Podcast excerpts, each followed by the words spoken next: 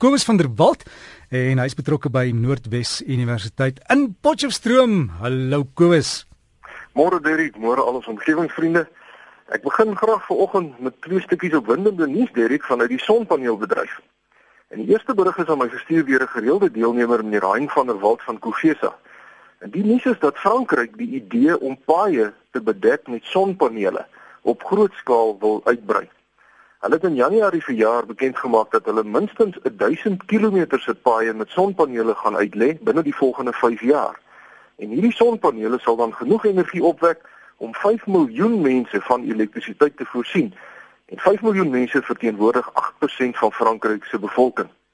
Nou die sonpanele word gemaak van 'n baie sterk materiaal wat bo op die paaie vasgeplak word wanneer die pad se oppervlak nou begin verbrokkel en hy in elk geval oorgedoen moet word. En die maatskappy is ook besig om dieselfde te doen met spoorlyne waar die sonpanele oral tussen die spore vasgeplak word om elektrisiteit op te wek. Nou slegs 20 vierkante meter van hierdie tipe sonpanele is genoeg om 'n normale woonhuis van elektrisiteit te voorsien. En die goeie ding van hierdie tegnologie is dat mens die elektrisiteit opwek by die punt waar dit gebruik word. Met ander woorde, 'n mens spaar dan geweldig kostes as mens kyk na die groot transformators en die duur transmissielyne wat nodig is om elektrisiteit na afgeleë plekkies toe te, te vervoer. Die sonpanele word gemaak van 'n saamgestelde materiaal. Die Engelse woord daarvoor is 'n composite materiaal wat slegs 'n paar millimeter dik is en wat kan aanpas by die uitsetting en die inkrimping van die pad as hy nou warm of koud word. 'n Soortgelyke berig is aan my gestuur deur meneer Dirk van Skalkwyk en in die berig maak 'n Koreaanse maatskappy daarop aanspraak dat hulle met behulp van 'n nuwe revolusionêre tegniek sonpanele kan vervaardig wat 100 maal goedkoper is as wat tans die geval is. Meneer van Skalkwyk sê dat as hierdie tegnologie spoedig oral aanvaar word, dan kan dit die einde beteken van elektrisiteitsopwekking deur fossielbrandstowwe of deur kernkrag.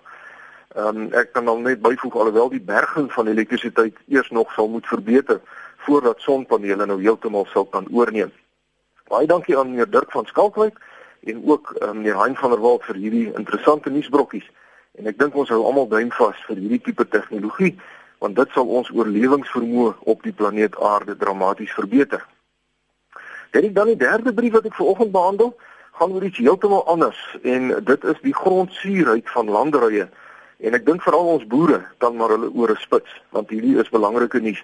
Meneer NC Fourie van Lady Brand het vir my 'n berig aangestuur oor navorsing wat gedoen is deur Dr Koos Bornman van Omnia. En die resultate wys onweerlegbaar dat ploeglande in die Vrystaat teen 'n onrusbarende vinnige tempo besig is om te versuur in die bo en in die ondergrond. En ek dink mense kan hierdie resultate uh, met veiligheid uh, vir ons hele land op ons hele land van toepassing maak wa, want boere in ander provinsies se bewerkingsmetodes verskil nie wesentlik van boere in die Vrystaat se nie. Nou in die navorsing met Dr Bornman meer as 100 000 grondmonsters ontleed oor die afgelope 15 jaar en dit is duidelik dat landerye toenemend versuur. Een van die redes vir die kommerwekkende tendens is oneffektiewe bekalking van die lande. Want baie boere dien al hoe meer stikstof toe om hoër opbrengste te kry en die stikstof in gereduseerde vorm soos byvoorbeeld ureum verlaag die effektiwiteit van plantopname. En die stikstof wat dan oorbly wat nou nie deur die plante gebruik word nie, oksideer dan na salpetersuur met ondergrondse versuuring as resultaat. Nou, omdat ongunstige lae pH of dan hoë grondsuurheidstoestande die opname van voedingsstowwe deur plante negatief beïnvloed, is die ingesteldheid by sommige boere dan om gewoon maar net voort te gaan en jaarliks al meer en meer te bemes op gronde waarvan die suurheidstaat is nie mooi bepaal en uitgesorteer is nie. En hierdie praktyk is oneffektief en 'n sekere manier om jou geld in die water te gooi. Dit is noodsaaklik om die suurheid van jou gronde reg te stel en reg te hou voordat jy enige iets verder op daai grond doen. Nou almal weet dis duur om landboukalk effektief toe te dien, maar boere moet hierdie koste maar opweeg teen produksieverliese. Ehm um, as hulle nou nie die landboukalk sal toedien nie, want veral in droogtetye is die vog in die dieper grond van onskatbare belang. En as die suurheid van die van die dieper grond nou te hoog is, dan kan plante nie daardie dieper vog benut nie. Want hierdie ondergrondse suurheid lei onder andere tot aluminium toksisiteit wat wortelontwikkeling uh, beperk en sulke plante in droogtetye se wortels word dus afgesny van die dieper vog. En onder sulke toestande kan boere gewoon nie goeie opbrengste verwag nie.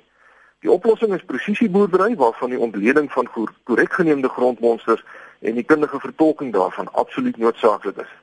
Meneer Fourie sowel as dokter Borman is dit eens dat hierdie saak uiters belangrik is want die navorsing het gewys dat die wyd verspreide versiering van landerye al tot op so 'n vlak gevorder het dat selfs al begin boere onmiddellik om groot hoeveelhede kalk in hulle landerye in te werk en ons praat hier van nagenoeg 3 ton per hektaar wat in die grond ingewerk moet word tot op 'n diepte van omtrent so 'n halwe meter dan gaan dit al alreeds baie moeilik wees om hierdie situasie effektief om te keer. So baie dankie meneer MC Fourie van Lady Brand vir daardie belangrike inligting. En dit dan sluit ek vir oggend af met 'n versoek wat ek ontvang het van meneer Andy Smith van Cannon Rocks in die Oos-Kaap. Hy skryf hy is 'n pensionaris en sy inkomstetjie is maar klein en hy voel dis tyd om nou sy eie groente te begin kweek. Maar die grond waar hy woon is swak en die weer is onvoorspelbaar en nou wil hy weet of uh, daar dalk van ons omgewingsvriende is wat 'n plan het vir 'n klein goedkoop groentetonneltjie. Hy sê die koste van kommersieel beskikbare tonnels is baie hoog en hy is seker daar is mense wat hom kan help met raad. Baie dankie meneer Smith van Cannon Rocks en ek moet u gelukwens met u besluit om u eie groente te begin kweek. Dis nie net goedkoper nie, maar baie meer omgewingsvriendelik. En ek dink elke tuin in Suid-Afrika moet 'n groentetuintjie hê. Ek kan dit miskien so verduidelik, Derek. Iemand het eendag die voorbeeld gebruik van 'n aardappel. En hy het gesê daar's twee maniere as ons nou vanmiddag aardappels op ons borde gaan kry. Daar's twee maniere hoe daai aardappel op jou bord kan beland. Die eerste manier is iewers in die wêreld is daar nou 'n olieboorgat en mense is besig om olie uit daai gat uit te pomp en die olie moet dan na 'n raffinaderry toe gaan sodat dit verwerk kan word na diesel toe.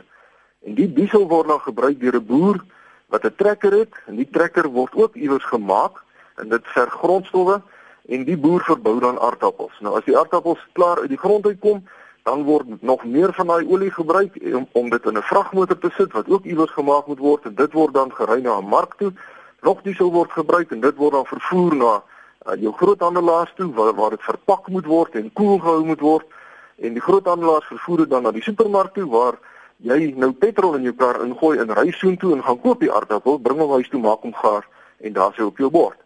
Die ander manier is jy loop in jou tuin en jy haal die ding uit die grond uit, jy maak hom gaar en hy's op jou bord. So dit is baie duidelik dat 'n eie groentetuintjie is oneindig meer omgewingsvriendelik So as daar van ons omgewingsvriende is wat dalk al hulle eie groentetonneltjies gebou het of enige ander idees het soos byvoorbeeld 'n goedkoop hidroponika stelsel, stuur asseblief vir my 'n beskrywing van u groentekwekerytjie en ook 'n paar foto's en ek sal dit dan graag op ons Facebook bladsy plaas sodat ander vriende kan leer by u. En dit die daarmee sluit ek af vir oggend. Baie dankie aan almal wat vir my skryf. Ek waardeer dit opreg. My e-posadres is kobus.vanderwalt@nwu.ac.za of u kan maar net soek op Facebook na omgewingspraatjies se Facebook bladsy. En daarmee sê ek vriendelike groete tot 'n volgende keer. Ek wou net vir die gaan iemand gesê ek moet vir jou vra, jy weet hier hier gaan ons nou en ons spreek oor die omgewing en alles, maar het jy sonpanele en alternatiewe goed daar by jou huis, Kobus? ja, Derek, mense druk my nogal in 'n blik, weet jy? Ja, Derek, ek het 'n songeyser nou seker al vir 10 jaar. Ek het nog nie sonpanele nie. Ek wag dat dit nog 'n bietjie goedkoper word want dit tans nog baie duur. Maar ons hersirkuleer ons afval, uh die die goed wat hergebruik kan word, word hersirkuleer hier in ons hele buurt, dis 'n hele klompie ywerige mense. En ek probeer regtig om om waar ek kan, maar uh omgewingsvriendelik te lewe. Uh so nee, dis reg dat die mense met my tone hou. ja, ek ek self het ook al gedink weet baie keer met mense die die as uitgooi en sê ek het 'n huis wat mense kan sonpanele opsit of wat ook al. Kom ons probeer en kyk wat werk en dan kan 'n mens terugvoer gee. Want dis een van daai dinge Kobus, ek dink ons gaan in die toekoms dit moet doen. Ons het nie meer 'n keuse nie, né? Dit ja, weet jy, maar gelukkig tegnologie ontwikkel daagliks, soos wat ek nou vanoggend mee begin het. Uh, die sonpanele word al beter. Die probleem is nog steeds dat mense nou nog groot batterye nodig het wat duur is en wat net 'n beperkte lewensduur het en die goed, die batterye self het natuurlik 'n negatiewe invloed op die omgewing. Maar daar's genoeg voorbeelde van dat dit werk. Ek het 'n vriend hier in Potchefstroom wat sy hele huis uh, Piet van der Walt wat sy hele huis uh, toegerus het met sonkrag. En ons praat van uh, jy weet hy tot ondergrondse uh, verhitting onder onder sy matte jo. vir die winter en dit alsloop van die son af. So dit werk maar dit is nog ongelukkig 'n bietjie duur. En ek ek werk maar by die universiteit. Jy weet ons ouens is nou nie van die heel rykste mense in die wêreld nie. So ek wag maar dat die dat die kostes afkom. Maar intussen doen 'n mens maar wat jy wil. Jy weet ek ry die minimum, ek ry motorfiets as ek kan. Dit is baie ligter op brandstof en is natuurlik baie lekkerder en baie vinniger. Mens soek nooit na parkeerplek en dis meer nie. maar nou die die teendeel daarvan dit is gevaarlik. So daar's maar heeltyd 'n uh, balans wat 'n mens probeer loop tussen dit wat jy kan doen, dit wat jy behoort te doen en dit wat moontlik is. Ons sal weer gesels. Kobus, alles van die beste. Jy gaan alles op Facebook plaas, né? Omgewingspraatjies. Ek maak so, Derek. So gesels ons dan met Kobus van der Walt van Noordwes Universiteit en gaan loer op Facebook so net vir omgewingspraatjies.